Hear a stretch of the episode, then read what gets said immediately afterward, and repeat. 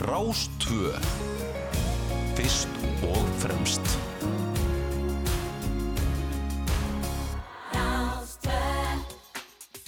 Ég komið þess aðlu blessuð, þá höldum við að stað hér á Rástvö. Þetta er þátturinn fram og tilbaka, eins og alltaf á lögutarsmórnum og ég heiti Felix Bergsson, hlakka til að vera með ykkur allt fram til tíu frétta.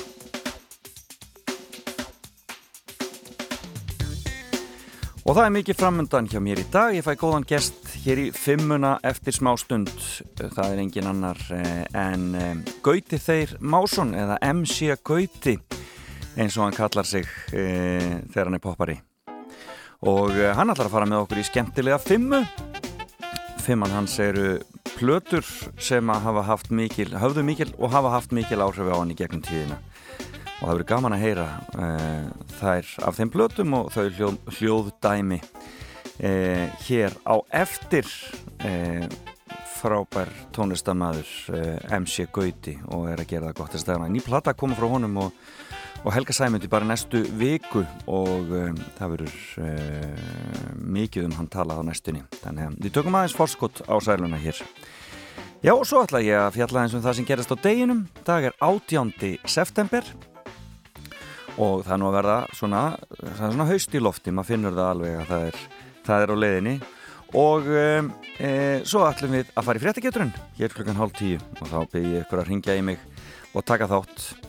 Svara eins og þið mögulega getið e, og eins og venjulega í fréttageturinni þá snýst þetta um að ná þremur e, svörum rétt. Og þá eru verðlaunin sem er út að borða á Hard Rock ykkar. Þannig að þetta verður klokkan hálf tíu á eftir og um, e, við fangum eins og ofta áður Átnar Frey Magnússon og nefnendur úr tækniskólan til að hjálpa okkur með fréttagetununa þau eru byrjuð að undirbúa sig fyrir getur betur og vilja bara uh, undirbúa sig með því að byrja að fylgjast með fréttunum og búa til fréttagetunum fyrir okkur sem þau nota líka í sínum æfingum. Sem er skemmtilegt þannig að það er spurning hvort að aðrir framhaldsskólar vilja fara að vakna á lögutasmótnum til að fylgjast með fréttagetunni hér í fram og tilbaka. Heyra hvað tækniskólan er að velta fyrir sér það er skemmtilegt. En við byrjum eins og vennilega á lægi dagsins og þetta er nú aldrei skemmtilegt sem ég gróf hér upp frá árinu 1981 eh, eða eh, já, 1981-82 þetta er hljómsett úr Garðabæ. Það er nú ekki margar úr Garðabænum svo sem.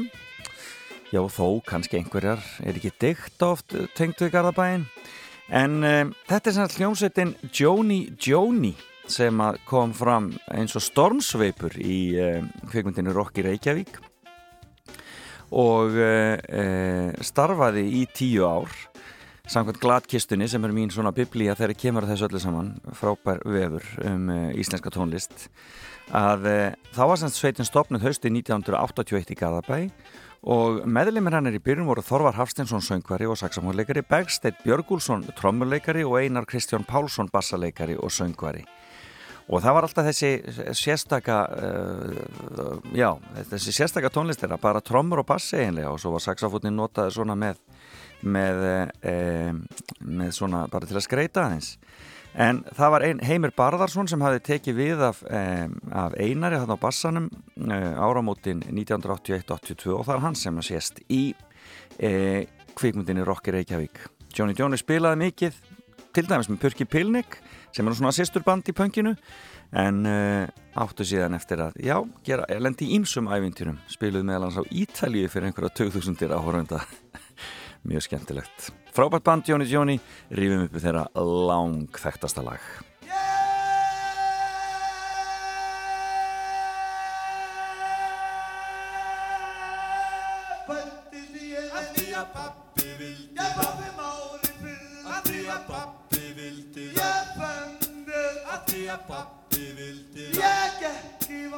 því að pappi vildi það.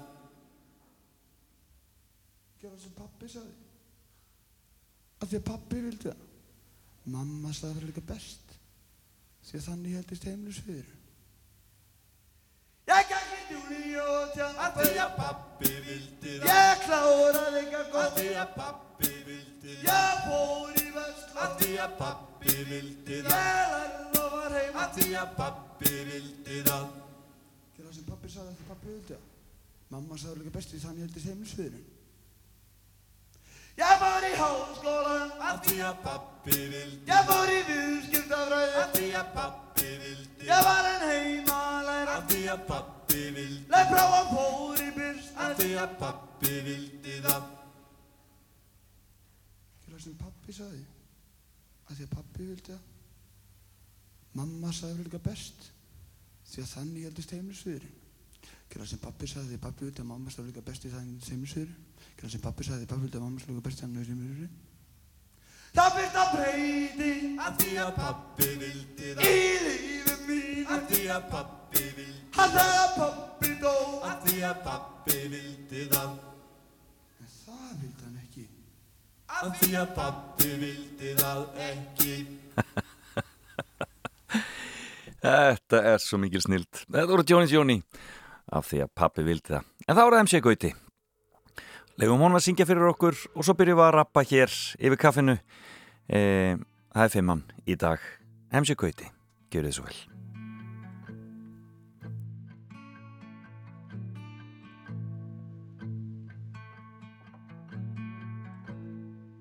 Þegar borgin slekkur á sér Á funni losnum þessa debur Ég veit ekkert hvað amar að mér. Get í því gerð. Ég er þannig að Guði gerð. Ég er ekki eins og fólk er flest hef aðra sín og fegur. Ég hef alltaf verið tossi úr skóla lífsins. Get í því gerð Ég er þannig af Guði gerð En kunnum alltaf vera að hafa gaman. Eiginlega líf hlægjum síðan yfir þessu saman. En kunnum alltaf vera að hafa gaman. Eiginlega líf okkar og grátum síðan yfir þessu saman. Ég veit að moldin mun kalla á mig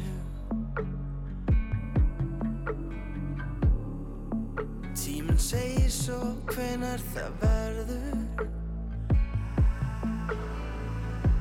En ég finn þessar hugsanir herja á mig. Get í því gerð Ég að Guði gerð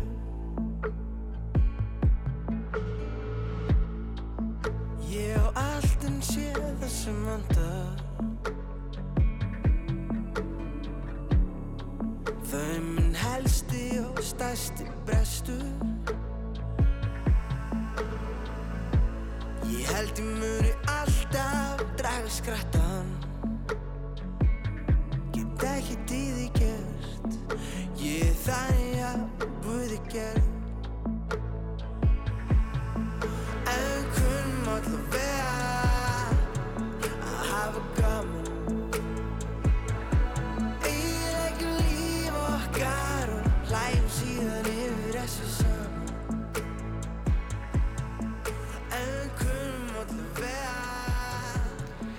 Já, hér má heyra, heyra uh, MC Gauta syngja Tossa og þetta er að nýju plötunni sem er að koma bara uh, bara núna fljótlega skilst okkur, en hann er sestur hérna hjá mér. Gauti Þeir Másson. Já, passar. velkomin, velkomin Takk fyrir það. þarna, þetta er nú ekki svona þetta er nú ekki svona rapparalegt nafn Gauti Þeir Másson svona, maður hugsaður eitthvað svona menn einhverju tengi ekki í Ameríku en það er ekkert svoleiðis hjá þér Tengi í Ameríku? Já, Hva- eitthvað Hvað svona- hva, ekki bara Ameríku? eitthvað svona, eitthvað svona, þú veist, eitthvað svona Gári. já, eitthvað svoleiðis Ég hérna, nei, þetta er bara, þetta kemur bara, nafnið kemur part-time Reykjavík og, og, og Akureyri, sko. Já, er ekkit, ekkit flóknar en það. Og, En það ekki verið margir þeir að ekki þarna, ég man, ég held við höfum verið tveir.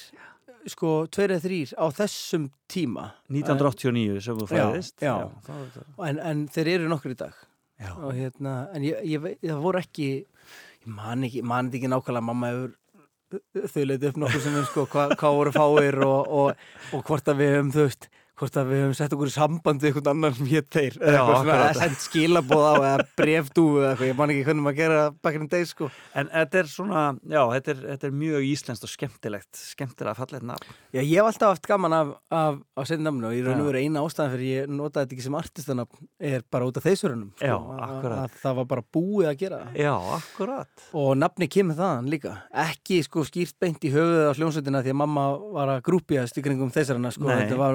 að að meira bara uh, hún sá nafnið hún sá nafnið þarna þótti það fallegt flett upp hérna, meiningunni og, og bara gauti þeir var, En var fyrir valinu sko. Já, það hefði, hefði ekki orðið MC þeir, sem sagt. MC þeir, eða bara þeir og hérna, en, en sko pappi vildi að ég myndi heita Máni, Máni Másson Já. mér finnst ekki drosa mánulegur í dag Nei, Máni Másson, er eitthvað svona megan ekkert senn sko en þetta er semst ekki nöfn sem kom úr fjölskyldinu eða hvað? Nei, þetta er ekkert, það er enginn sem heitir Gauti og, og enginn þeir heldur sko, þannig að þetta er, já Mamma, er, já, við heitum öll sískinin bara eitthvað, Já. e eitthvað út í lofti Skemmtilegt. Áttu mörg sískinni? Ég á þrjú sískinni, Já. Írina Karin og Oliver og mamma hatar kommur sko, þannig að það er Írina, Oliver, Já. Karin Já, ok. og hérna hún bara gjössamlega hatar kommur sko, bara hún verður brjáluð ef einhver skrifa kommur sko. Og hérna, og ég er ekki að djóka. Já, ég er náttúrulega að djóka með að mamma hati kommur sko, en hérna ég skrifa í dag, ég slepp alltaf að gera kommur ef ég er að skrifa í síman Já. nenn aldrei að gera kommur, ég spá hvort þetta sé út af því að við, Það hlýtur að vera það, er bara eitthvað, eitthvað, þetta er eitthvað fröydíst. ég man ekki hvort hún hataði komma eða kommur, ég man ekki alveg hvort það var. Held það þetta- kommur Þetta lag, Tossi, Já. Þetta er svona mm, eins og oft hjá þér, svona, þú veist að þú ert svolítið að opna þig og hérna, svona, syngjum líða til öruna. Já, Svona um kannski þetta að læra að, að uh, læra á lífið, að, að vera tossi í lífinu svolítið. Já, þú veist, er þetta ekki allt eitthvað skonar vekkferð á að, að læra Já. af einhverju sem gerist í gær og hérna og Þú, þú, þú fórst ekki, þú varst ekki í langri skólagöngu, þú tókst ekki langa skólagöngu. Ég kláraði, sko, ég er sko, ég er með hérna, ég fekk svona rauða húu Já. kláraði verknám í Ókei. sko, grafiskur miðlari Já. og ok. studentspróf og síðan fór ég í, í hérna Sýrlands nám í, í svona hljóðtekni Já, ég kláraði það reyndar ekki það var bara varðu mikið að gera meðan ég var í því námi. Þá En, en þú varst byrjar í músíkin á fullu bara hvað, 18 ára eða eitthvað svo leiðis? 12 ára Æstu, e, ok, Já. ég set kaplaskil við 2011 Já. þar gef ég út mína fyrstu soloplötu Ok, undan því var ég búin að vera eitthvað í einhverju böndum. Ég var reynda búin að gefa út einu plötu undan því sko. En, en ég myndi segja svona þetta er eins og ef þú myndir segja að ferill píanuleikar hafi byrjað þegar hann fór í fyrsta píanutíman Mhm. í raun og veru veist, allt fram að því veist, þegar ég var frá ég var hann 11-12 ára og, og, og fram að 2011 var bara undirbúningur sko. Ok, ég skil. Myndi ég segja sko því þá byrja ég eitthvað svona að móta mitt sound og ég fattaði bara fljótlega að ég funksjonaði ekkert í bandi. Mm -hmm. ég, veist, ég þurfti að ráða. Eitthvað, ég bara frekur skilur Já. hérna, að ég reyndar ekki ég, er- það er eitt af þessum sem maður er að læra skilur maður hættur að vera frekur. Já, og hérna, endaði næsta plata, samvinnuplata Já. með Helga, sefundi þannig að þetta er svona Næ, læri, svo lengi læri sem lifir. Já, algjörlega.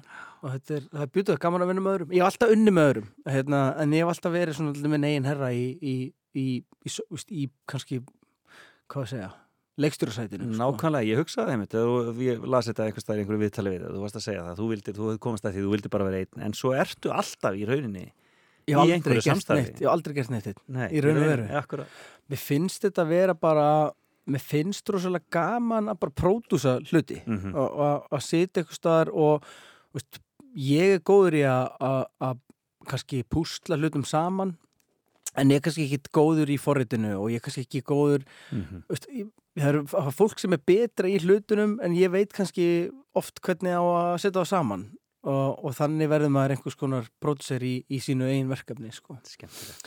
En mér finnst list líka bara snúast um það einhvern veginn að, leifa, veist, ég er, hérna, mér finnst alltaf gaman að gera artwork með öðru fólki, ljósmyndurum, hérna, gera já. tónlistavídeó, Mhm. varning, alls konar dót sem að tegi sig út fyrir að, að vera tónlistamæður, mann er bara alls konar já, í, í alls konar áttir, alls konar art sem snerti mann. Já það, og þú veist og það, maður verður var við það mjög að það eru margir einmitt sem eru á þessum stað ég menna Daði Freyr og fleiri sem er einmitt sko, mjög involveraðir í Mhm. rauninni í því að búa til sitt sitt eigið, það sem að, það sem að frá þeim kemur og allt lúkið og það allt saman Já, nákvæmlega. Og síðan er þetta bara, höfst, hlusta líka á aðra og, og fá innblástur og, og hérna, fatta maður, maður veit ekki, veit ekki best, sko. Nei, akkurat. Heyrðu þið, þú ert með fimmu Ég er Og með það- fimmu. og var, þú, þú varst í stolnum vandræði með að ákveða hvað það ætti að vera Já, sérstaklega að því að, að því við tölum saman bara í, í gerkvöldi, sko. og, svo, og ég var eitthvað, neginn, ég er líka, sko, sama tíma er ég að klára plötuna. og, því Þannig ég, sko, já, ég skrifaði niður, ég skrifaði í flýti niður fimm plötur Já. sem að hafa snert líf mitt á eitthvað nátt, sko. Það er mjög skemmtilegt Og hérna... En þessi listi getur náttúrulega verið í rauninni endalus ég gæt, sko, fyrst var ég að hugsa hvort ég ætti bara veist, gera fimm blöður sem ég hlusta á þegar ég vil hafa kósi eða já, fimm blöður sem að ég vil hafa í gangi þegar að það er partí Já. eða fimm blöður sem að mótuðu mig sem, sem tónlistamann eða, en ég, ég setti bara svona ágætis blöndu af þessu, sko. Já, ok, byrjum bara á byrjunni og hérna, ég skrifaði fyrst. Ég, fyrst var ég að pælja að setja henni plötu hérna, með hljómsveit sem heitir Jurassic 5 sem er fyrsta rapplatan sem ég heyrði. Fyrst? Ok, um, bara fyrsta sinn sem ég heyri nokkuð tíma rap sko, en, en sérðu hvernig ég er að koma henni fyrir? En Já. ég ætla samt að skauta yfir í að, hérna, að Eminem, Slim Shady LP sem að kemur út 99 nefnitt held ég. Um, það er svona fyrsta platan sem að ég, ég svona ég, ég, ég bara svona dolfallin yfir henni, skilur, Já. ég var bara vá, hvað þetta er geggja stöff Já. skilur og hérna náði mér einhvern veginn ég man, ég man hvar ég var stattur og ég man hérna þú veist, bara man hvernig útvarstæki lítur út þar sem ég var í kjallaranum hjá frænda mínum í Vesturbænum og heyrði í útvarpinu í fyrsta sinni í M&M skilur Já. og ég man bara þú veist, það var bara heyrðið, ok, hvað var þetta? Hvað voru að hlusta? Við erum að heyra þetta aftur. Og þú veist, ég hef verið þá, hvað, 11 10, 11 ára gamall skilur, við vissi ekkert hvað hann var að tala um. Og, og síðan fær maður náttúrulega að bara sjá man ekki hvort það hefur verið på TV, MTV eða eitthvað sem að, það sem að maður fyrir að sjá hennar gaur hann poppar upp og verður bara stærsta popstyrna í heiminum á þessum tíma. Mhm. með alveg svona brjála attitút, þú veist, hvítgaur hérna, samt einhvern veginn respected í rap rap músikinni og veist, það er alveg að telja veist, ég, get, ég get ekki talið upp rosalega marga hvíta ameríska rappara sem að hafa breykað þrú Já, já, þetta er svolítið, uh, þetta er næstu svo, svo, svolítið hinn helgu við þegar kemur að, þú veist, þetta eru, þetta eru, þetta eru svartistrákar. Veist, meira það er bara, veist, þetta er bara miklu rótgrónara í, í, í menningu í aðra menningu sko, Já, sem að, en, en auðvitað smitast út og, og, og M&M kemur inn og hann gerir þetta ógslag vel og, og það er Dr. Dre sem að uppgötur hann sem að er náttúrulega bara svona legend í legend í leiknum og sem að ég reyndar vissi ekkit um það á þeim tíma, ég hef ekki hugmynd sko, Nei, hver hann var eða, en það var bara tíu ára En verður hann fyrirmynd fyrir þá þarna strax? Ég get ekki sagt þannig að hafi orðið fyrr, jú kannski að einhver leiti sko, manni fannst hann bara svo ógeðslega cool, hann var að rífa kjaft, hann var að segja ógeðslega hluti, hann að segja hluti sem að í dag bara, veist, ef, hann, ef þetta væri að koma út í dag, það er þetta aldrei leift. En, en tíma, eins og þú segir, tímandi breytast og hérna... En hann var einlegur og ég menna hann var að fjalla um lífsitt á einhvern náta eða ekki spilar upp þessum karakter sem er sl Slim Shady og, hérna, og þessi plata er rosalega mikið, mikið sá karakter og, og síðan kannski svona setna, jú, hann all- er alltaf að tala eitthvað um lífsitt en kannski meira setna á ferlinum og í plötu nummer tvö þá Já, hann meira inn í, inn í sitt svona alveg svona mega per persónulega nótuna sko. Og þeir, fyrir mér er þetta þessar tvær plötur sko, að Mar Marshall Mathers og Slim Shady sem að eru svona, náðu mér alveg svona brjálaðislega, höfðu brjáluð áhrif á það, hvernig ég bara horfði á rapp og langaði að rappa og, og, og síðan eftir það fannst mér þetta svona fara, fa- fa- fara aðeins að halla, en hann er geggjaður skilur, hann á stóran part í sögunni og, og, og hann er bara risastór fyrirmynd fyrir, fyrir það verðist vera alltaf að yngsta kynnslóðin hlustar alltaf eitthvað á hann sko. Nákvæmlega. að þetta er aldrei svona ætli þetta sé ekki nú verður einhver brjálagur ætli þetta sé ekki svona nirvana fyrir mig skilur M&M bara svona reið, reitt úlinga tímabil eitthvað svona, eitthvað svona expression sem að maður var bara þú te tengja við eitthvað gaur sem að var átti samt eitthvað líf sem var alltaf öðru sem heldur að eigi sko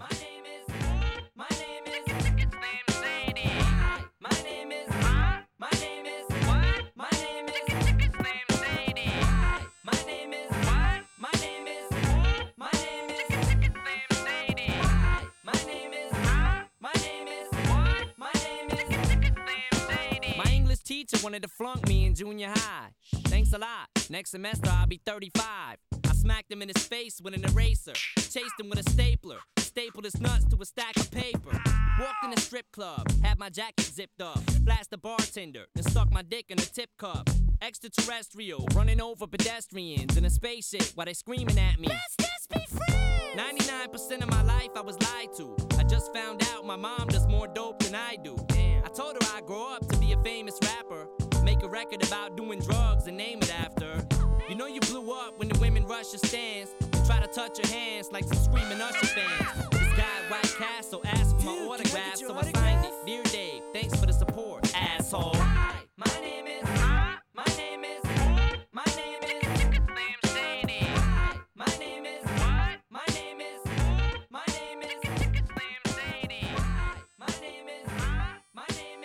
Já, þetta var M&M og þetta var fyrsta platan hjá þér eh, Þetta var fyrsta platan á listanum. Á listanum, Já. listanum góða. Hafði mikil áhrif á mig hérna, þessi plata og allt. Ég, veist, ég, ég kunna hana ég, vá, ég fór heim skóla. Ma, ég held að mamma hafi ekkert verið rosa spenntur ég var að hlusta á þetta.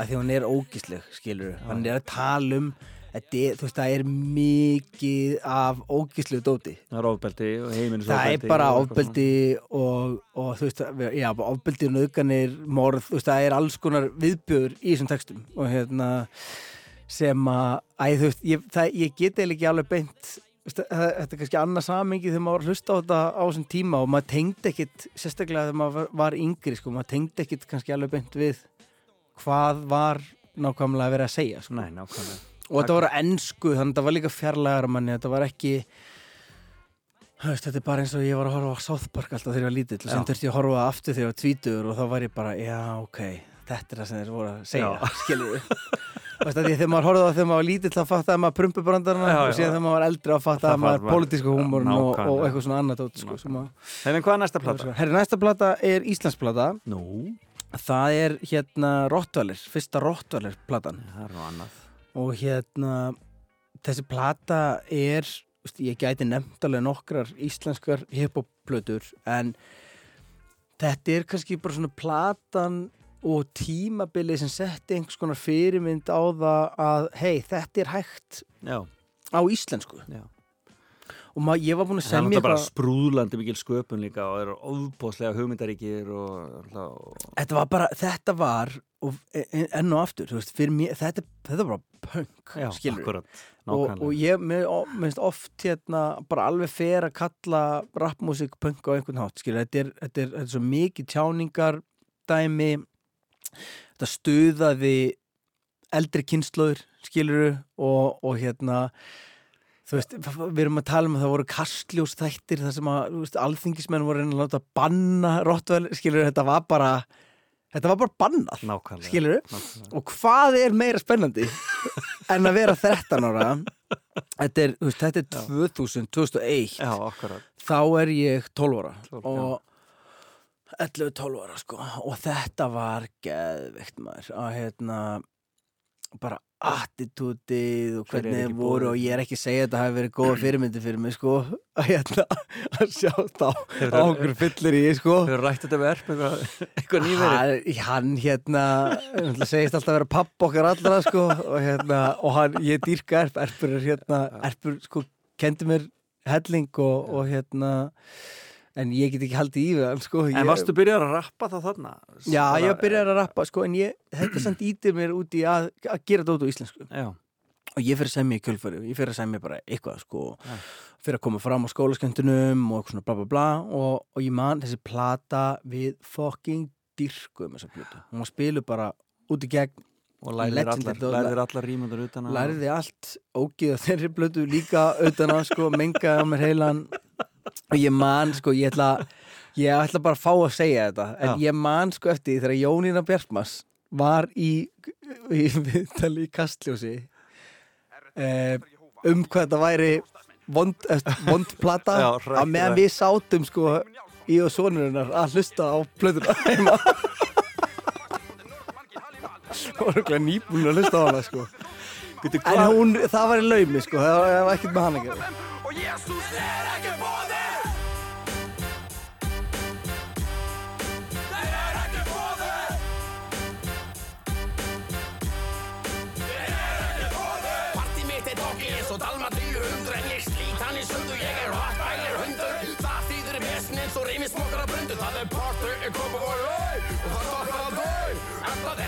er party eftir staða Sýp, silver, dræp, er með mömmu þinn í bað. Engi stoppa það, þegar æsla mjög sem komna stað. Og þú veist að vel, alltaf sæta stelpur eru hér. Enga verður að kóku bygglu sem Íkt að kæft og sér, ertu brúð ekki frá allt minni Drekkur er vodka svo finni, mér skýt saman svo lengt frá skónum Og reykir ekki inni, drömmar að bassi ekki Og yppur brata með jassi, jóni með hassi Bass, natun og tipp í rassi. Þenni yngu og passi, plassi Og ef þú veist ekki hvað það er þá Ertu ekki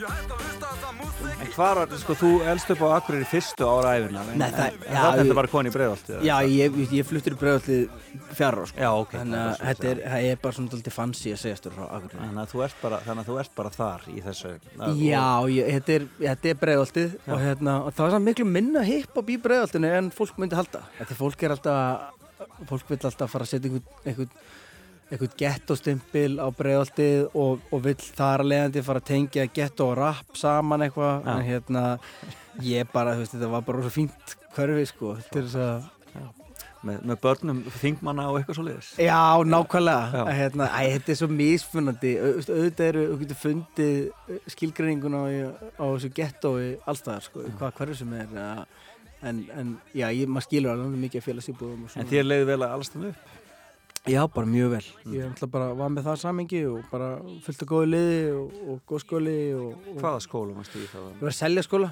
í, í tíu ár síðan fór ég í, í, í eina önn í FB Já, ok. Árin ég gafst upp á því sko. Já, og hérna ég veist að ég langaði meira að rappa sko, já að nákvæmlega Nákvæmlega.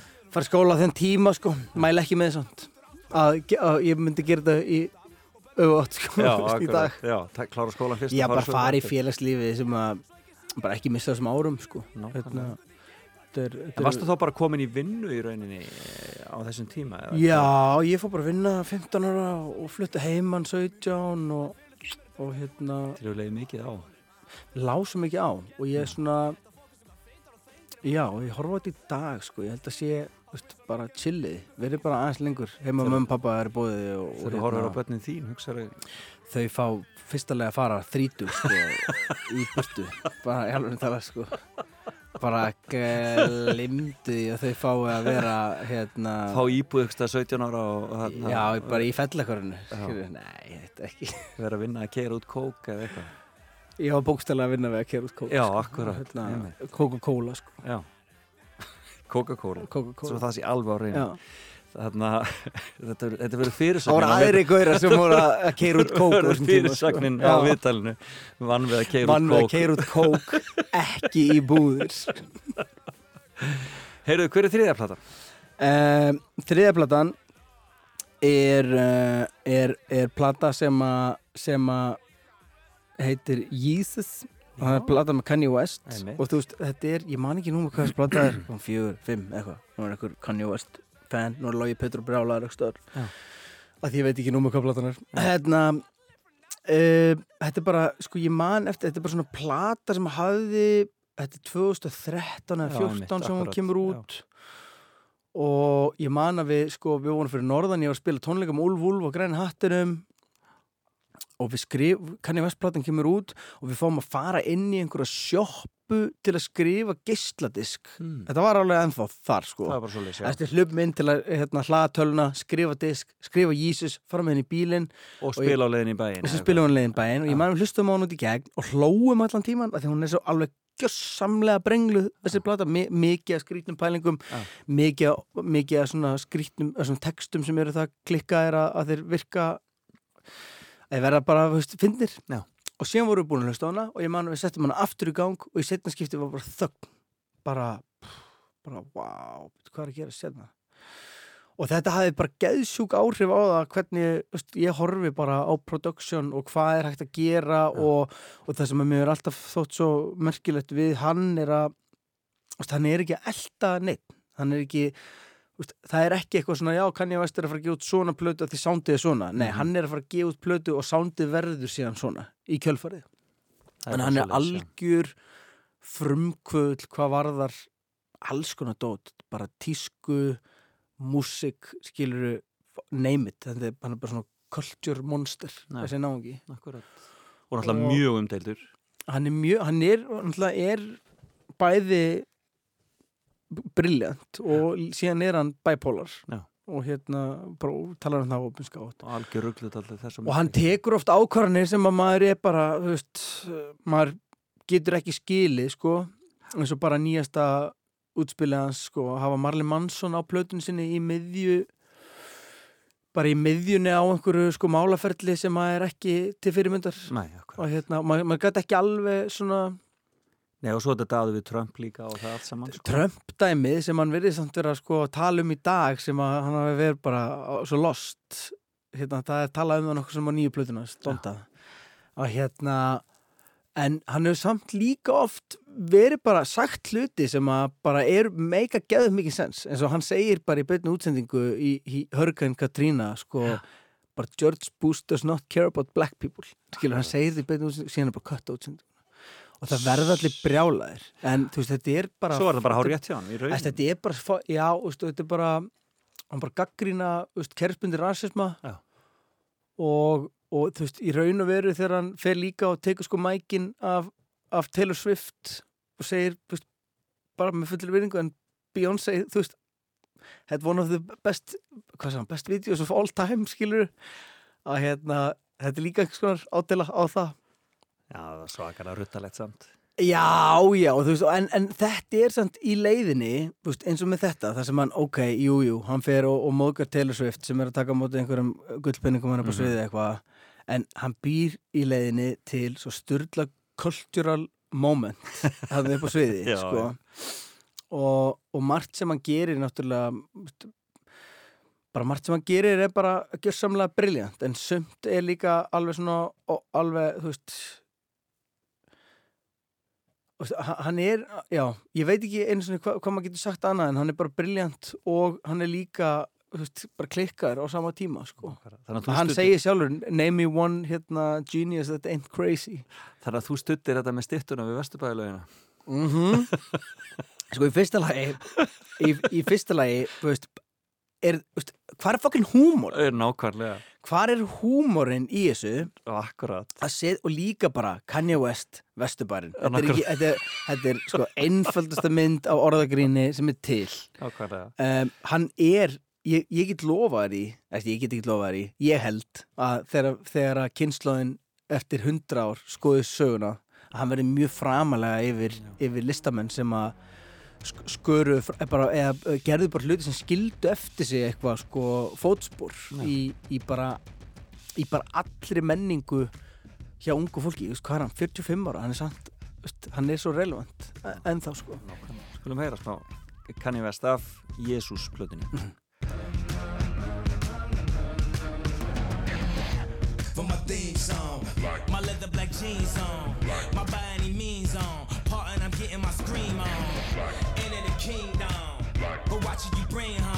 See a black man with a white woman at the top floor, they gon' come to kill King Kong. Middle America packed in. Came to see me in my black skin. Number one question they asking.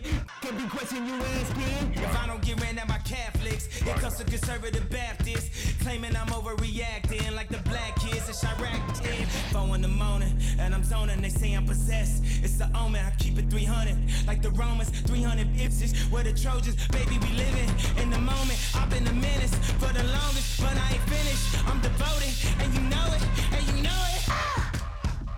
So follow me, up, cause this about to go. I'm doing 500, I'm out of control. But there's nowhere to go. And there's no way to slow. If I knew what I knew in the past, I would have been blacked out on your ass.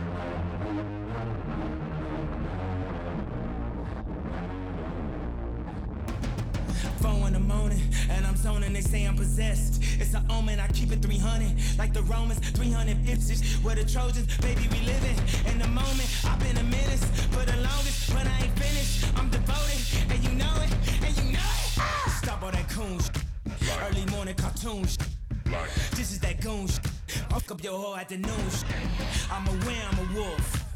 Soon as the moon hit, I'm a aware I'm a king. Back at the tomb, shit. Back at the room, shit. Stop all that coon shit. These niggas ain't doing shit. Them niggas ain't doing shit. Come on, homie, what happened? You niggas ain't breathing, you gasping. These niggas ain't ready for action, action, ready, ready for action, action. Four in the morning, and I'm zoning, I think I'm possessed. It's an omen, I keep it 300. Like the Romans, 300 bitches. Where the Trojans, baby, we living. In the moment, I've been a menace for the longest, but I ain't finished. I'm devoted, So follow me up, cause this shit about to go. I'm doing 500, I'm out of control. But there's nowhere to go. And there's no way to slow. If I knew what I knew in the past, I would have been blacked out on your ass.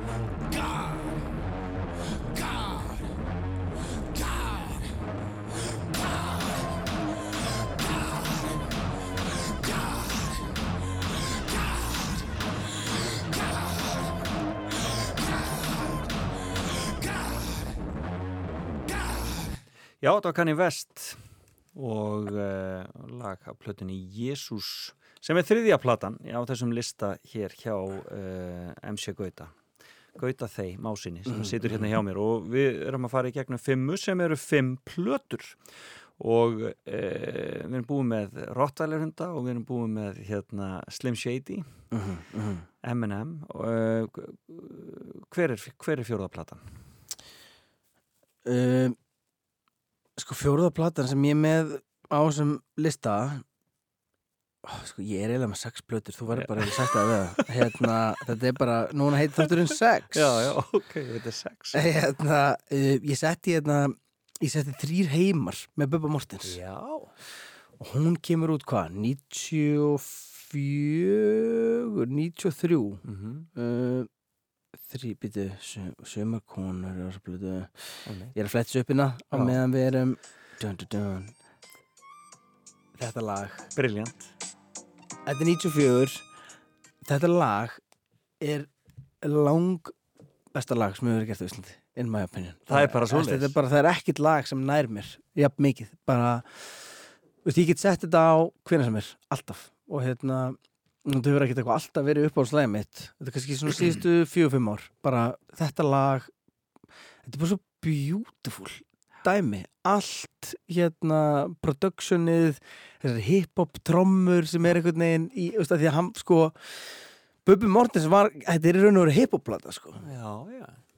Og, um, og hérna það, það, það er líka lög á þessari plötu sem að ég bara, þú veist, mér, mér finnst þetta ekkert endilega neitt brálaðslega spes en ég setti þessa plötu þann inn að því að ég respekta Bubba Mortens svo mikið að því leiti að á sama hátt og með kannski Kanye. Mhm. kannski ekki, ekki alveg fyndi að vera líka saman Bubba Mortens og Kanye West sko, nei, nei, en þeir eru báðir geggjaði þólusmenn Já, ég menna Bubbi verður náttúrulega alltaf í rauninni algjört algjört uh, stórmenn í íslensku menningarlífi. Það ég er ekki bara, bara stæstur Já, já. stærsti tónlistamæður, er það ekki? Er hann ekki bara stærsti tónlistamæður sem við höfum átt? Svo, og þá er ég að tala um svona úst, innanlands tónlistamæður Já, mikið áhrifunum er sko alveg gríðaleg og hérna, veist, auðvitað get ég nefndir einhverja, einhverja veist, veist, Kali og Rögla búin að selja fyrir blötur skilur en þú veist, við veitum alveg hver er kongurinn Já, nákvæmlega og, og það sem ég fíla er að hann hefur verið óhrættur við að prófa ný sound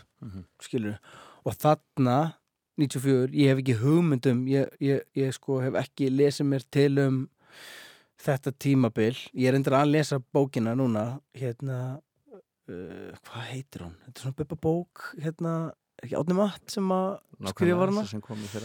þetta er hérna, þetta er closet bóki mín sko, ég tek eina bubba, eitt bubba tímabil Já. svona uh, reyna að gera sko. Já. hvert sem ég fór á klósetti ræðilegt ræðilegt er bara ef ég fæ gillina þá er það bara út að bubba mórstæð Já, sko. að því er það of lengi eitthvað og of langur, langt tímabil eitthvað. En, en mér, mér finnst sko að því ég, ég átti einu sem spjallum þessa plötu. Já. það sem einhver var að segja sko Bubbi Mortens hefur gefið út hip-hop-plötu. Og ég bara nei, hann hefur ekkert gefið út hip-hop-plötu. Og síðan fer ég bara að hlusta á þessu plötu Já. og það eru bara, ég spila bara svona þú veist, Einmitt. Já, ok, meira, suma konur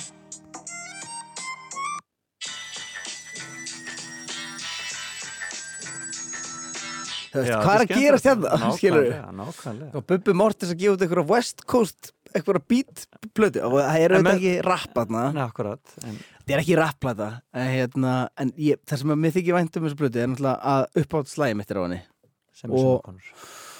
hvað segir, sem er sömukonur Já. og hérna uh, og síðan er bara mér finnst bara skemmtilegt bara viðmið að horfa á hvað hann hefur prófað marga stíla sko. Hefur unni með honum vikt hérna? Herri, ég hef einu sinni um Bubba og hann veit ekki af því Nú. við sungum báðurinn á Trolls 2 Já. myndina og hérna og við vorum saman sko, hann var funk-tröll og Já. ég var hip-hop-tröll Ok. og ég, ég var bara maður er náttúrulega fýta Bubba Morten sko, hann veit Já. samt ekki af því Nei. En hérna það bara, e, e, e, ef að það moment kemur sko, þá, þá finnur það sig momentið. Nákvæmlega. mér langar ekki heldur að forsa hérna langar ekki heldur að forsa því sko. Suma konur hlæg eins og hafið. Í höndum þeirra ertu lítið peð. Aldrei skaltu svíkja þannig konu Sál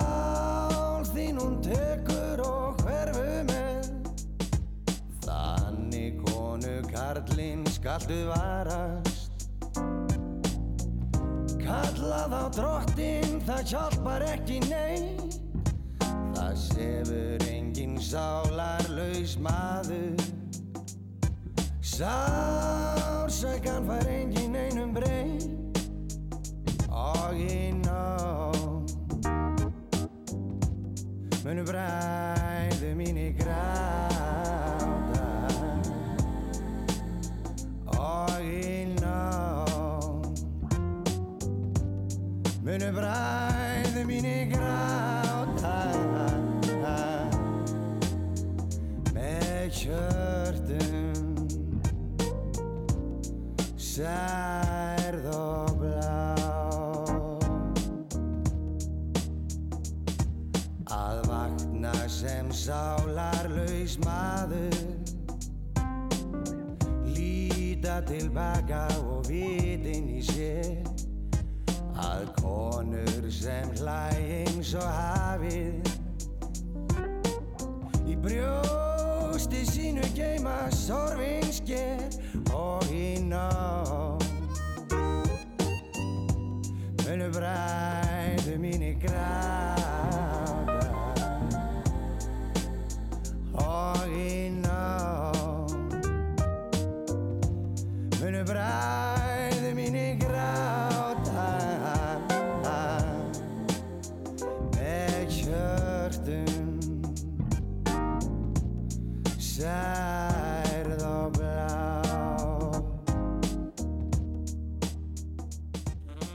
Fymta plata.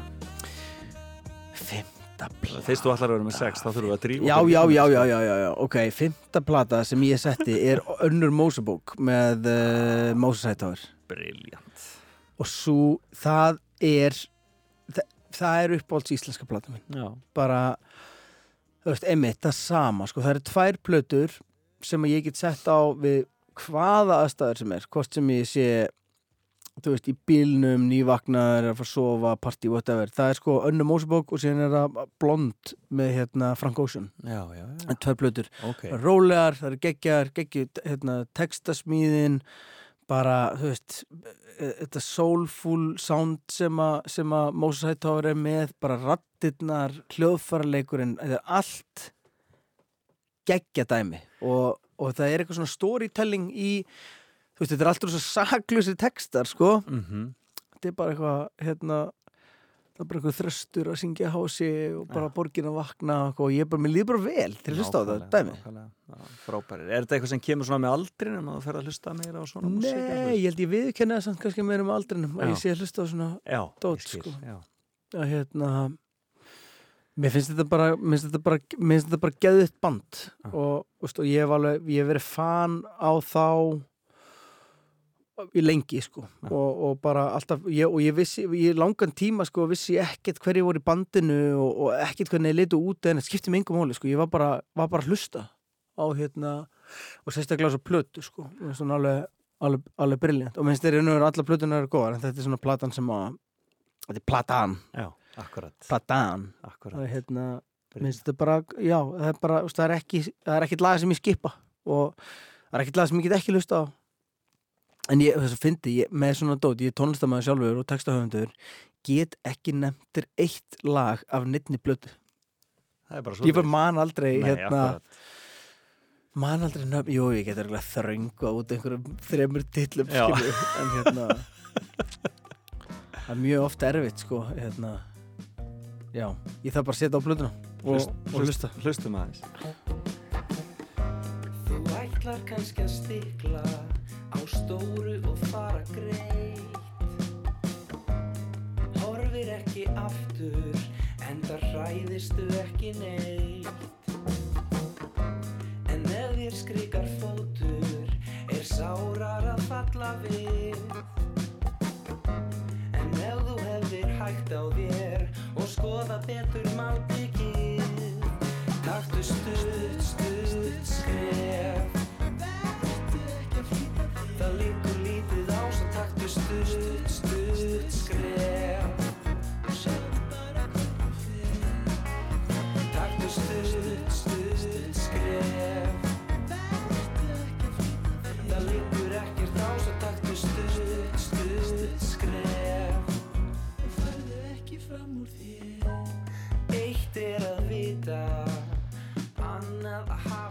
Frábært. Moses Hightower hérna á plötunni önnur Mosebók. En þú ert uh, með sjöttu plötuna, segir þú? Ég er með sjöttu blöðuna og og ég segja þér út af hverju ég er með sjöttu blöðuna Akkur er það. Er að því að ég er shameless plug monster. Já, og þetta er bara plata með sjálfur mér. Já, nýja platan eða? Þetta er nýja platan, hún heitir Mold. Og hérna hún er á þessum lista út af því að, að, að þessi listið er náttúrulega bara mjög random yfir alls konar plötur um eitthvað en þetta er svona plata er búin að semja, semja mikið af auðvitað rappi Mm en samt líka auðvitað snert á einhverju dag, daglega tónlist og svona. Já, en á þessari plötu, þetta er, ég myndi segja þetta væri að einhverju leiti konceptplata. Við leifum okkur að setja egoinn til hliðar og, og hún var samin Vist, ég er búin að, er búin að sapna textum á þessa plötu í smá tíma bara Ok. svona dót sem að mér fannst ekki passa fyrir, Ok. fyrir önnu verkefni ok. og síðan hérna missum við Helgi sameiginlega vin 2019 og, og þá ringi ég í hann og ég segi, herru, ég með nokkra texta sem að ég svona Já. sem ég langar að setja saman og setja saman í, í, í, í einhverja plötu og, og, og það er enginn sem er veist, það er enginn sem næra að tólka tjáning, veist, þjáningu, já vel finnst mér eins og Helgi sko, Úlfur og Úlfur ókslega gott dæmi um bara svona rap músík sem er ekkit rap Mhm. músík Mhm. sem er samt svo mikið rapmúsík Mhm. mm þeir eru, minnst þeir vera frumkvölar í, í textagerð og, og með, þeir eru með eitthvað svona emo indie sound samt líka sko inn í inn í sínu dóti og mér langar að fá Helga við, ég hef oft unni með Helga áður Já. Og eina vandamálu við Helga er bara að hann svarar aldrei á Facebook og svarar aldrei símanum þannig að ég eftir smá stund að ég reyna að vinna með honum Já. þá bókuðum við bara sumbústað Það var bara svo leys, já. og ég fó bara kerði hérna, kerði til hans í, uh, í Skafafjörn Náður í hann. náði í hann bókstala sko, og fóð með hann bústof og við gerum plötun á tíu dögum þar og þar urðuð alls konar hugmyndir og, og varð alls konar dót til og, og, og hérna með þykir ótrúlega væntum þessa plötu að því hún er hún er, hún er aðeins öðruvísi.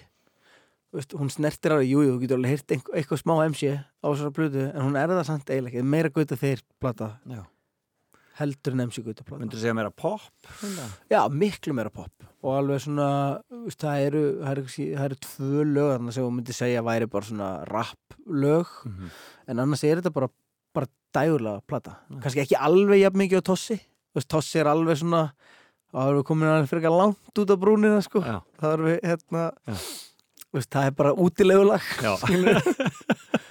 En hérna ætli það sé ekki eitthvað sem gerist með aldrinu líka sko. Nákvæmlega En því líður vel, þú missir hárið og byrjar að dýrka kassagítar sko. Nákvæmlega en, Og fluttur í Vesturbæinn Fluttir í Vesturbæn Já, dýrkaður í Vesturbæn Er það ekki? Hvað, og, hérna, Ég er enda búin að búa í Vesturbænum í átta ár sko. Já, Þannig að- þannig að þetta er bara og, hérna, og fílar þann svona torpsfíling sem þar er Já, ég, ég samt finnalega fyrir því núna sko, því eldri sem maður er því meira er maður bara heima og það skiptir eiginlega engum máli hverju bí sko. uh, og jú, jú, mér finnst næs að vera hana margir vinnir og, og, og stutt Þú veist, ég segi stutt í bæinn mér er drullu sama um bæinn í dag, skilur það er bara, jú, mér finnst alveg næs að fara í göngutúr og sjá fólkið og eitthvað en, en hérna, hættur að fara að jammi sko hérna, þannig að ég, þetta er ekkit eitthvað svona ó, ég er ekkit að spara fokkin taxa af því að ég, að því ég bý í vesturbönum sko. En það er gott að vera nált sjónum og, og æ, þú veist, það er bara ég veit að þetta er algjör plebbadæmi að segja en ef maður flytur í vesturbæin þá fattar maður þetta. Það er eitthvað, það er eitthvað. Það er bara mjög fín lokaord Kæra þakki fyrir að koma í fram og tilbaka. Takk. Ég vakna til dvala, gispa og þurrka og með stýrutnar Ég þekk ekki hindranir, nei þú þarf bara að klífa þær. En nú er ég komin langt og leið. Ég þekk ekki leiðin aftur heim Ég hugsa um að snúa við en það er allt sem Keiri allt í bótt, keiri krúsa Keiri blindandi milli húsa Keiri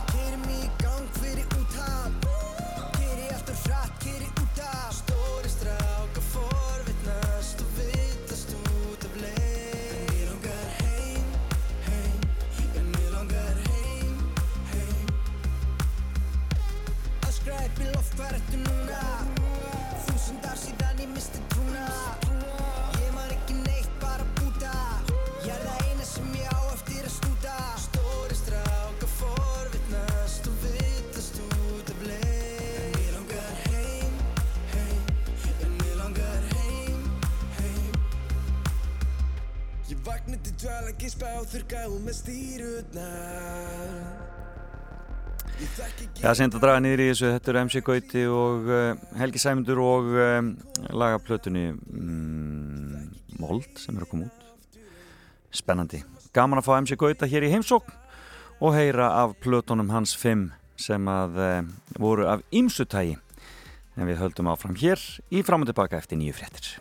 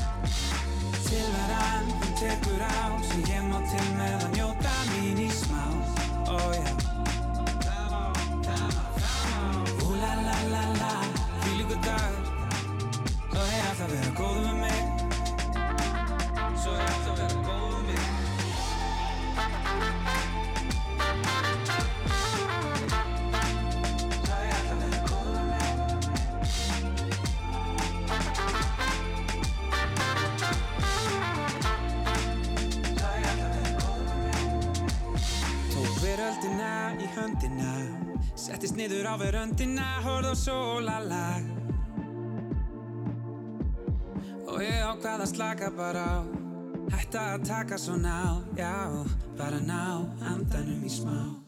Ó já, og ég horfi á fugglana Hlustað á fugglana Syngja fyrir mig.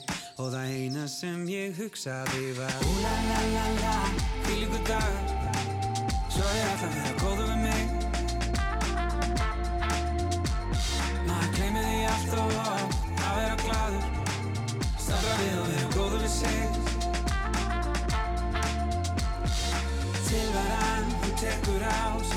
til með að njóta mín í smá Ó já Ú la la la la, hvílíku dagur Svo ég ætla að vera góður við mig Svo ég ætla að vera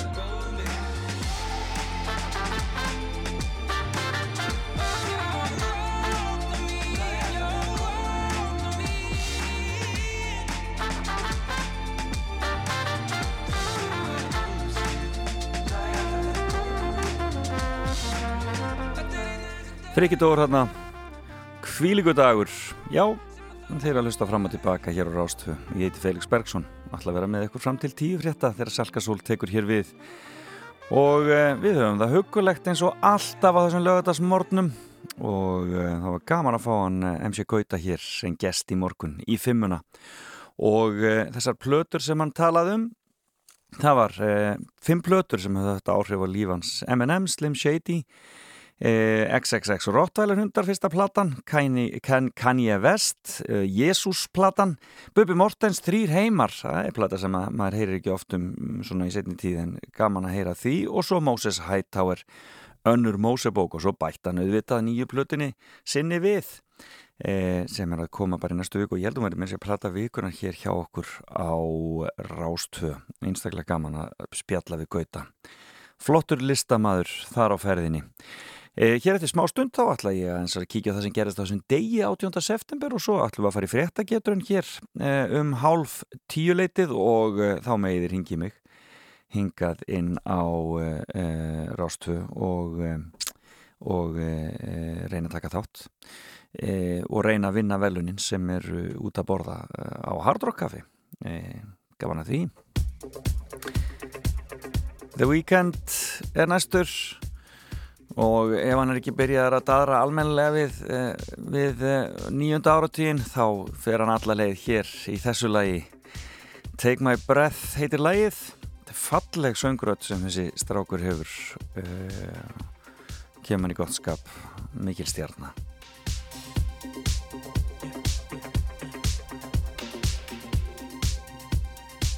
I saw the fire in your eyes.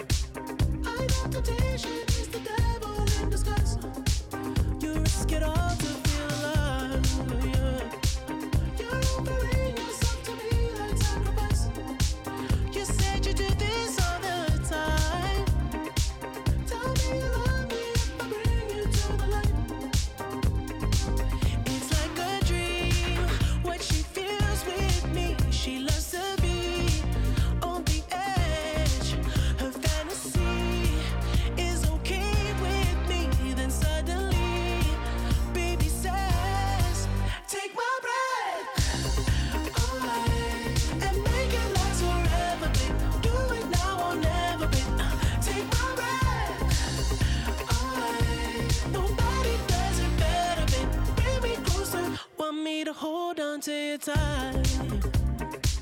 Yeah, pull me closer. Feel the heat between your thighs. You're way too young to end your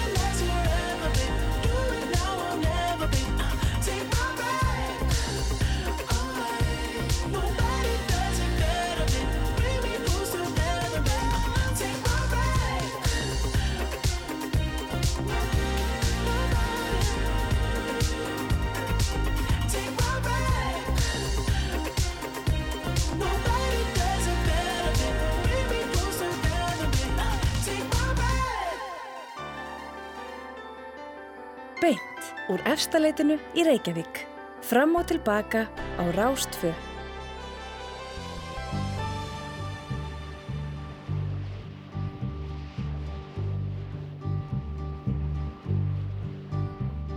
Sitting in the morning sun.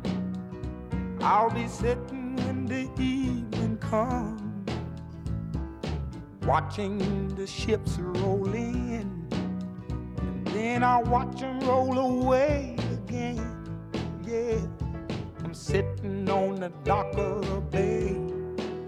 Watching the tide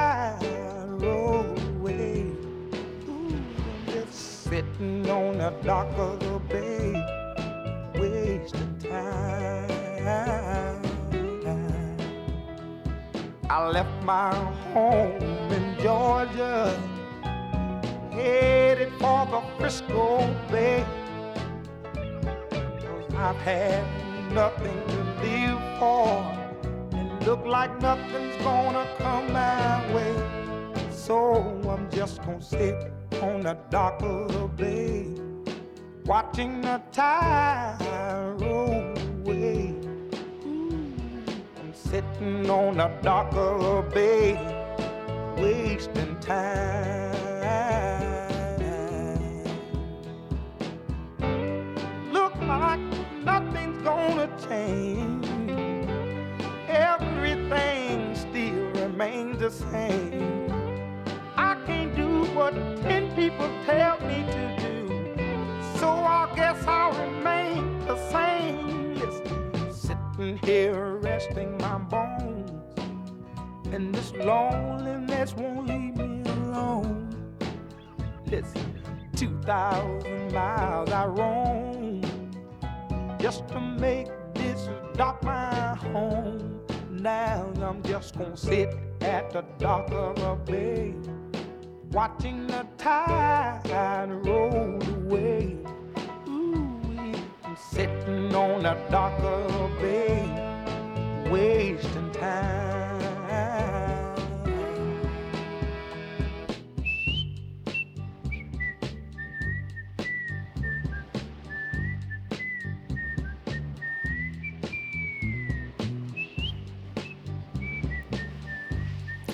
Ótísrætting hérna og við hlustum á sjávar niðin og hugsum um nið tímans og veltum fyrir okkur hvað í ósköpunum gerðist eiginlega á deginum. En í dag er 18. september eh, og þetta er 261. dagar ársins og það eru 104 dagar eftir árunni það fer bara að líða að jólum hreinlega. Ég sá að einhverju voru að byrta jólamyndir þegar hundra, hvað, já, þrjum mánuði til jóla. Þetta er ekki neitt neitt, sko. En e, e, það er ímislegt sem gerðist á þessum degi, 18. september e, og við förum yfir þetta hér hjá, með aðstóð þeirra hjá Wikipedia. En de Gama, hann snýri aftur til Lissabon og fyrstu syklingunni til Indlands árið 1499 á þessum degi. Eh, og 1699, 200 árum síðar var haldið brúðköp í Skálholti er Jón Vítalinn biskup gekk að eiga Sýriði Jónsdóttur frá Leirá. Og í brúðköpinu voru korki meira meira en 23 prestar. Já það var hægt að sapna eins og mörgum saman í dag. Það er spurning. Eh, og eh, árið 1805 var sala vísna kerlinga á skildingavísum bönnuð í Danmarku Já, þar hafið þið það 1810 var þessi dag sjálfstæðisdagur Chile og Vínarfundurinn hófst á þessum degi í Östuríki árið 1814. Dagblæði New York Times var stopnað á þessum degi árið 1851 og 1885 var landsbanki Íslands stopnaður á þessum degi 18. september. Hollandskar konur öðluðust kostningarétt á þessum degi árið 1918. Það var svona eh, að gerast út um alla Európu á þessum tíma og árið 1935 urðu Sovjetríkin aðilar að þjóðabandalæginu. Um, Lögþing Færeia lísti við sjálfstæði eigana í kjölfar þjóðratkæðu greiðsla á þessum degi 18. september árið 1946 og svo var það þessi leikur árið 1968 Valur gegn Benfica Eh, áhorfendur á lögadalsvelli á þessum leik voru 18.243 og það var vallarmet sem verður seint sleið en það var semast Benfica sem kom í heimsókn og það var ekki Jusubio sem var hérna aðalmaðurinn? Jusubio eða hvað hann hétt blessaður og var svakalega stjarn á þessum tíma. En þessi, þessum leik lauk með markalösu jafntefni 1973 Vestuðískaland, Austuðískaland og Bahama eigjar urðu aðalega saminuðu þjóðunum og 1975 var sportbátafélagi Snarfari stopnaði Reykjavík 1975 líka var Patricia Hearst handtekinn í San Francisco. Það var nú meira málið menna Patricia Hearst. Og en svo voru jákvæði fréttir árið 1981 þegar franska þingið afnam dauðarefsingu. Það voru góða fréttir. Eins gott, það hætti þeirri vittlisu og mættu fleiri mættu fleiri e, faraða dæmið þeirra Skotar feldu svo e, í þjóðratkvæðagreðslu árið ní- 2014 aðskilnað frá Bretlandi en það er eilíðar umræða efni sem að mun bara halda áfram. Og hver eru svo fættir á deginum? Jú, Greta Garbo er fætt 18. september, Kjartan Ragnarsson, Einar Mór Guðmundsson, Rittöfundur, Lance Armstrong, já, sá umdildi atvinnu hjólari, Sol Campbell, fyrirhandi knasputnumadur, Steinun Þóra Árnadóttir, stjórnmálamæður sem er á fulli í kostningabaráttu og Anni Mist Þórisdóttir, íslensk íþróttakona og heimsmystari fyrirhandi í CrossFit. Hún á aðmæli dag og er 32 ára, Anni Mist frábær fyrirmynd fyrir okkur öll. Og ég er nú ekki ofta að fara yfir það hverjir hafi látist á deginum en á þessum degi árið 1961 lést Dag Hammarskjöld fyrir um aðalritari saminuðu þjóðana og handhafi fríðavelunum Nobels og það var nú aldeilis umdilt því að flugvél sem hann var í fór niður uh, í Afríku þar sem hann var að vinna að fríðarmálum og uh, eru margir sem halda því fram að þar hafi hann hafi verið um, ráðin af dögum en ekki verið sannað. Og svo er annar sem lést á þessum degi og uh, allt og ungur og mikill harmdauði og um, e, og e, einn af þessum sem er í hennum hræðilega e, 27 ára klúpi það var Jimi Hendrix. Legum honum að klára þetta þessa yfirferði og það sem gerast á deginum. Hérna er Hey Joe. Hey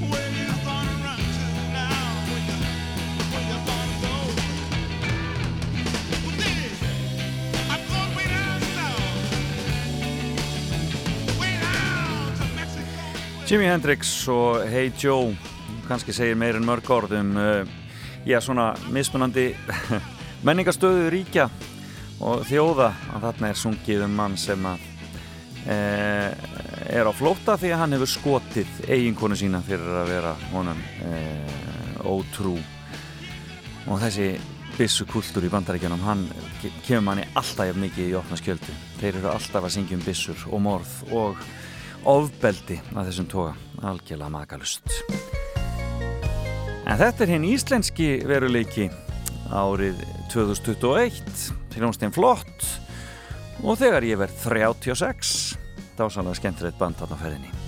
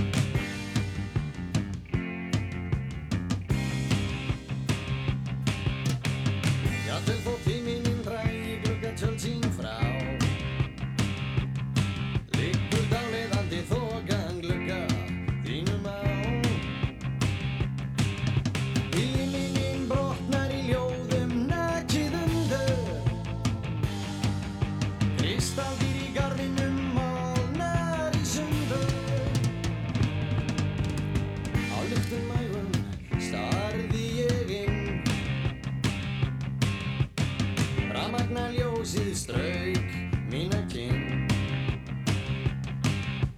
Íslandi þögnin reis úr dval í gæ Bergmál vorsins í garðinum hennar græn. Á heitum kvöldum hún kallar mig sinn vinn Augu eins og demata sem lýsir himinin Hún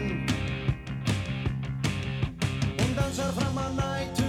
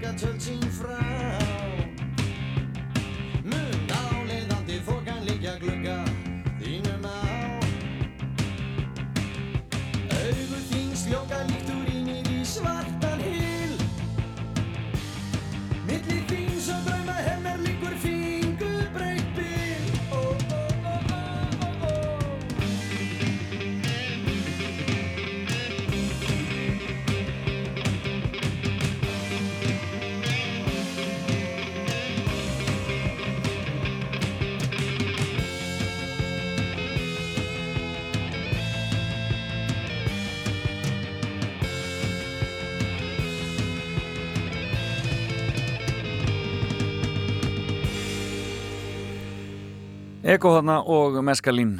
Þetta er dásanlegt gaman að revja þetta upp. En það fyrir að líða því að við förum í fréttagetrun hér í eh, þessum þætti fram og tilbaka. Þá meðir hingi í mig 5687123 5687123 og reynd að vinna velunin sem er út að borða á Hard Rock Café En það verður ekki alveg strax við fáum auglisingar og eitt lag og svo skellum við okkur í fréttageturunina. Þannig að verið tilbúin við síman og eins og venilega þá þarf að svara þrejum spurningum rétt til þess að fá verðlaunin. Það er nú bara þannig. Kúrðu bara áfram og hlustaðu áfram og tilbaka á Rástföð.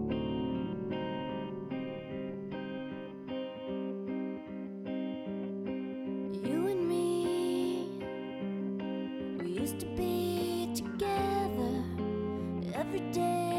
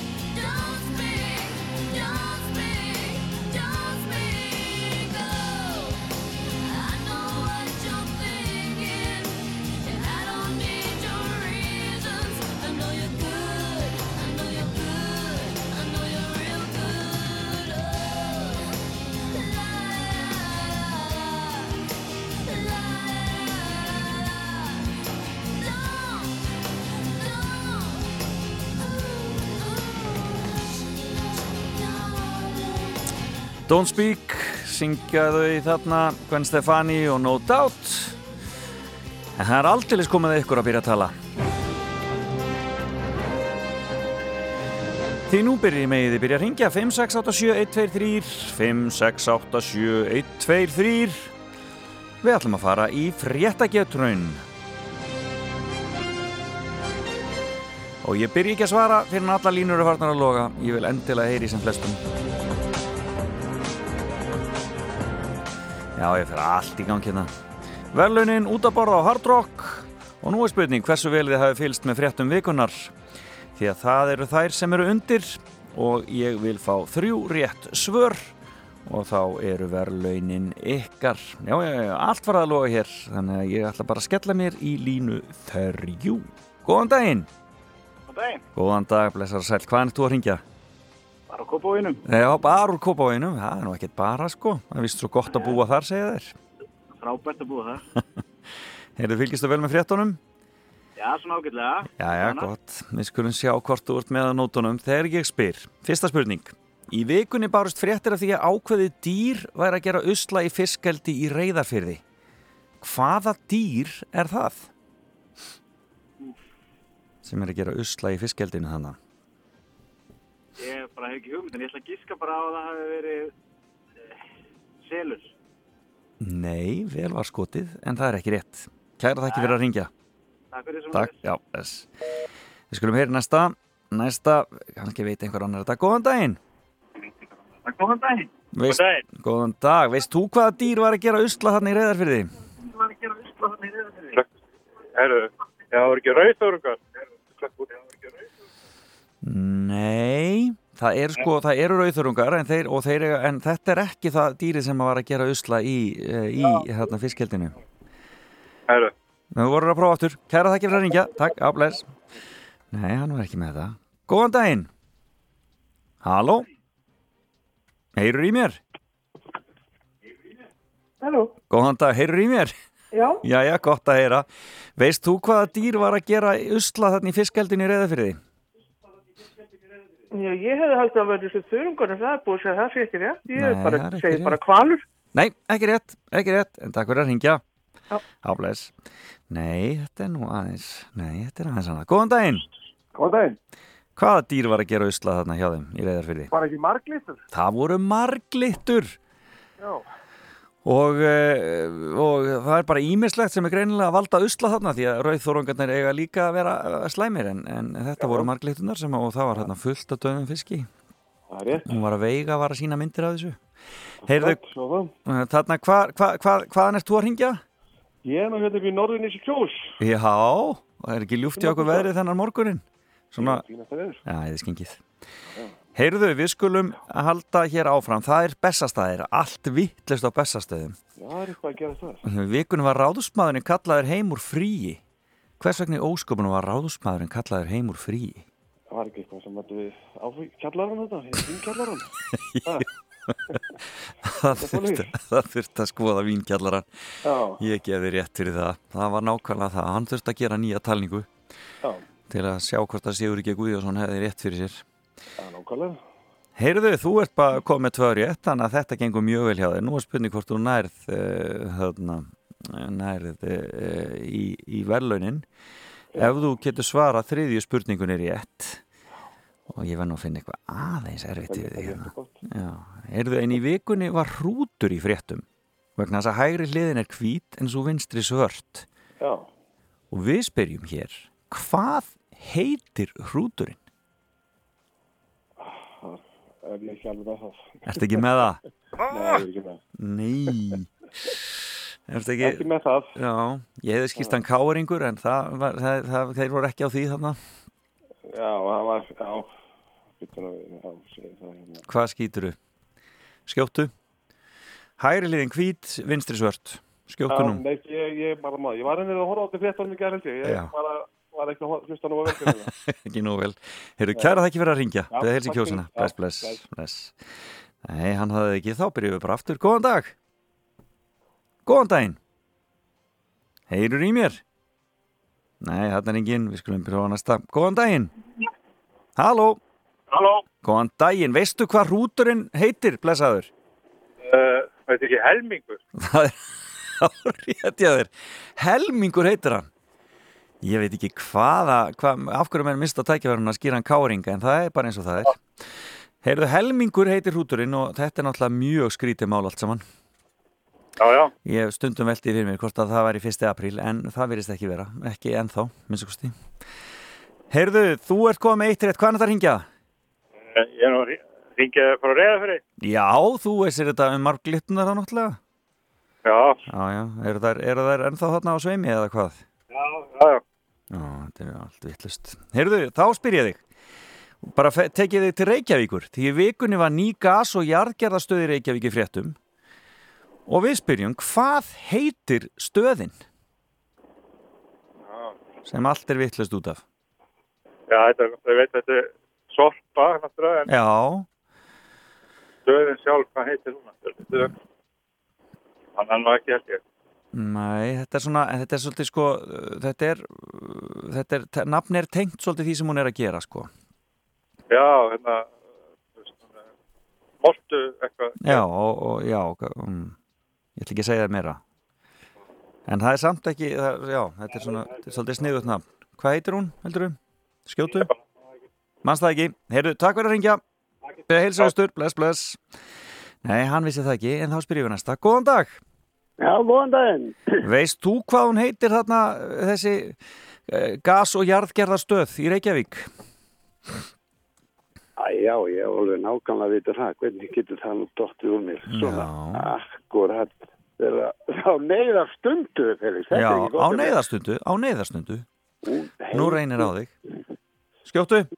Gasgé, nei, gasgé, nei, nei, ég mann ekki. Gasgé er venni skot. Vel er skotið, mjög nálega því, en ekki rétt. Takk fyrir að ringja. Já, takk. Bless. Já, góðan dag. Halló, heyrur í Halló. mér? Já, sætla bless, heyrur í mér? Já, ég hef ég. Já, hvað heitir hún? Gas- og jarðgerðarstöðin í Reykjavík? Hún heitir Gaia.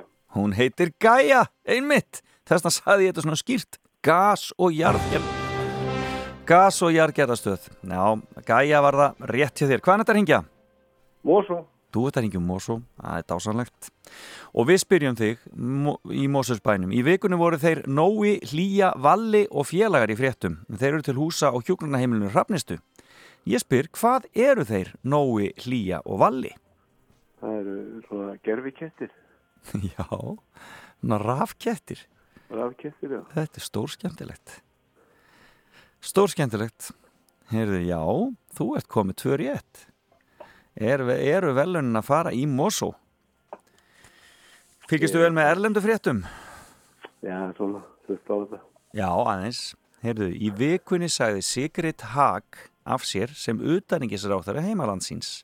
Þetta var tengdist allt Afganistan eins og svo mörgum öðrum stöðum. En hvar var Sigrid Haag utaningisráþara? Var það ekki í Þýskalandi? Er það lokasvar? Já, já, Það er rámt. það er rámt. En takk fyrir að ringja.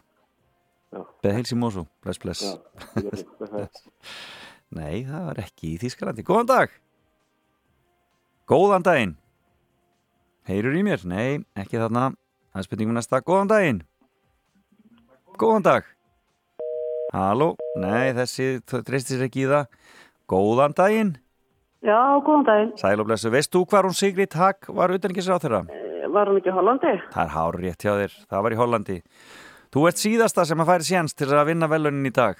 Það er ekki Þannig að allir nú- búin að vita öll svörin. Nú fer þetta að koma Nú, já, nú fyrir er- að ég veit ekki neitt. Já, akkurat. Þá spyr ég það áfram um fréttir að utan. Í vikunum var formaði verkamannaflokksins í Nóri í fréttum. Hvað heiti maðurinn? Oh. Sigurvegar í kostninga. Er í kostningana, já. Hvað heitir Ég hann? bara- Skjóttu nú. honum sko, nei, Já. er ekki, þetta úr mér. Þetta- Það kemur þetta ekki? Nei, Ekki, kemur ekki neitt, nei. Þú talar viss. Þetta, ef þú hefur vitað öll svörin hinga til, þá ættur hún að vita þetta sko. já, ég veit að það er bara svona þegar maður, stendur frammi fyrir Það því að svara, þá getur það dottur manni. Her, nei, nei, það verður eitthvað annar vita. Það verður annar að vita það. Fram sig. Heyrðu, Já, kæra þakki fyrir að takk. ringja. Já, Takk takk. fyrir. Já, þetta hafðist ekki hjá okkur í dag. Ég á ekki fleiri spurningar en þetta var Jónas Gar Störe sem að var auðvitað Sigur veri kostningar formaði verkamannaflokksins í Nóri og nú er spurning hvernig þetta fer í kostningunum hér á Íslandi. Já, fréttageturinn hafðist ekki í dag, við náðum ekki að koma velunum út en það er allt í lagi, við tökum þau með okkur inn í næstu viku og höfum hér skemmtilega geturinn á laugardaginn, á kostningadaginn 25. september og það er aldrei að vita nefn að ég sé með tvö gjafabrif í velun en látum þetta næja, þakka ykkur öllum sem ringduð allstarað af landinu. Við höldum áfram með fréttageturinn fram og tilbaka eftir viku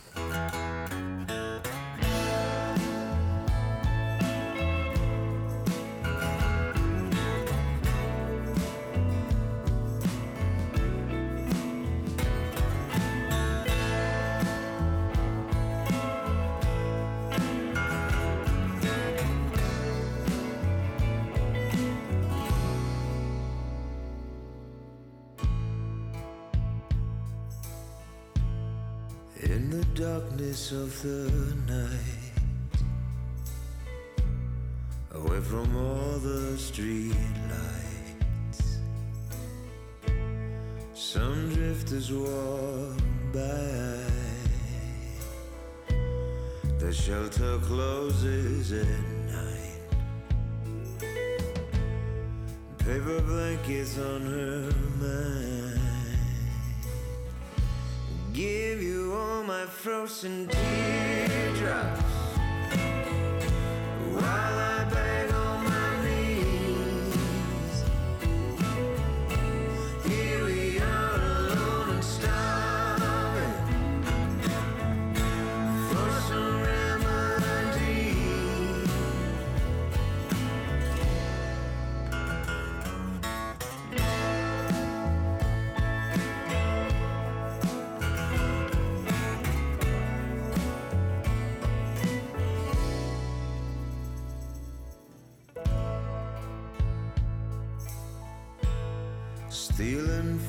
drug.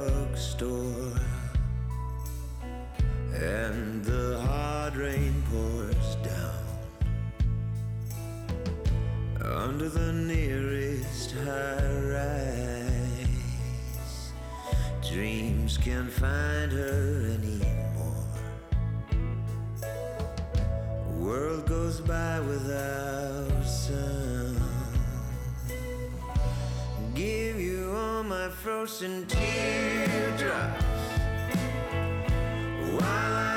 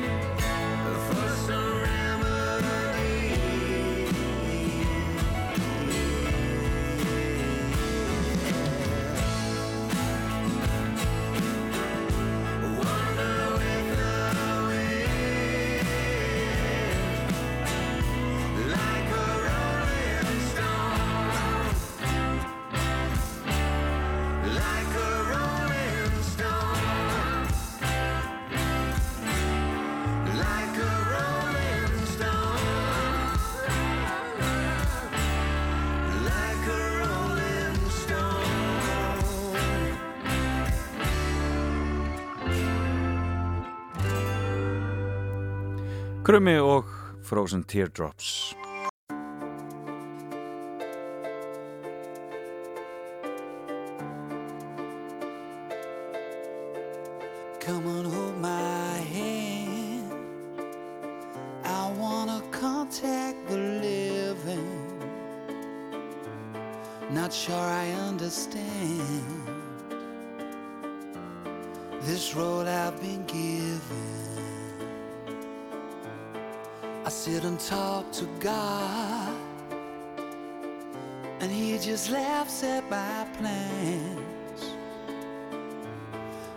head speaks a language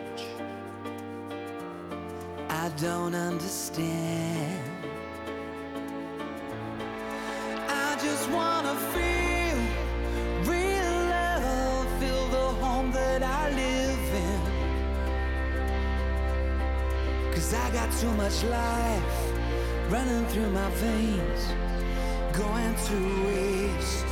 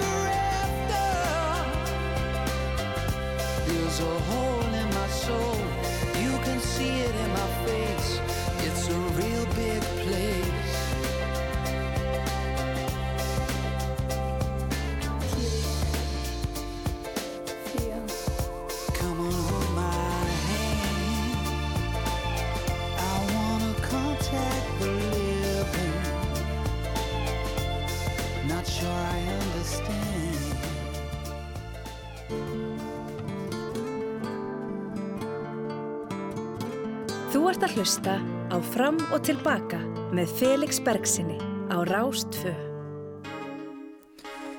Já, kæru vinnir, þá er þetta búið hjá mér í dag. Ég þakka MC Gauta fyrir komuna og ykkur fyrir að hlusta og öllum sem tóku þátt í fréttageturinn. Heyrumst aftur eftir viku, Salka Sól tekur hér við og svo allir eftir hádegið. Haldið áfram að vera með okkur á Rástfö. Heyrumst aftur eftir viku og þá verða kostningar. Allir að kjósa. Bless, bless.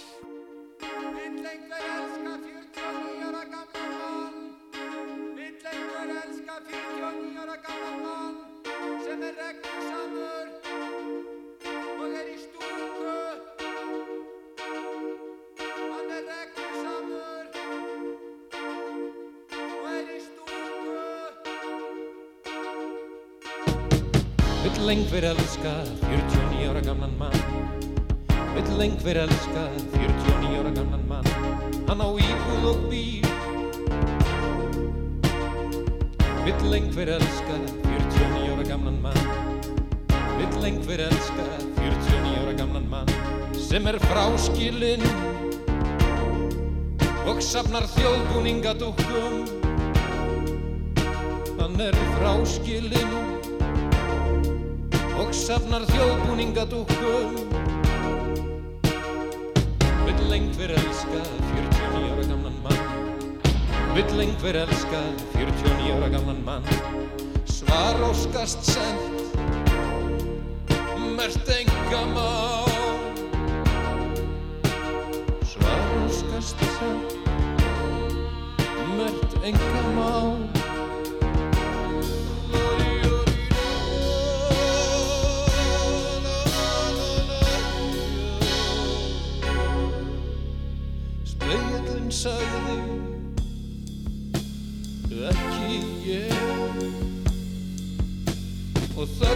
þögnin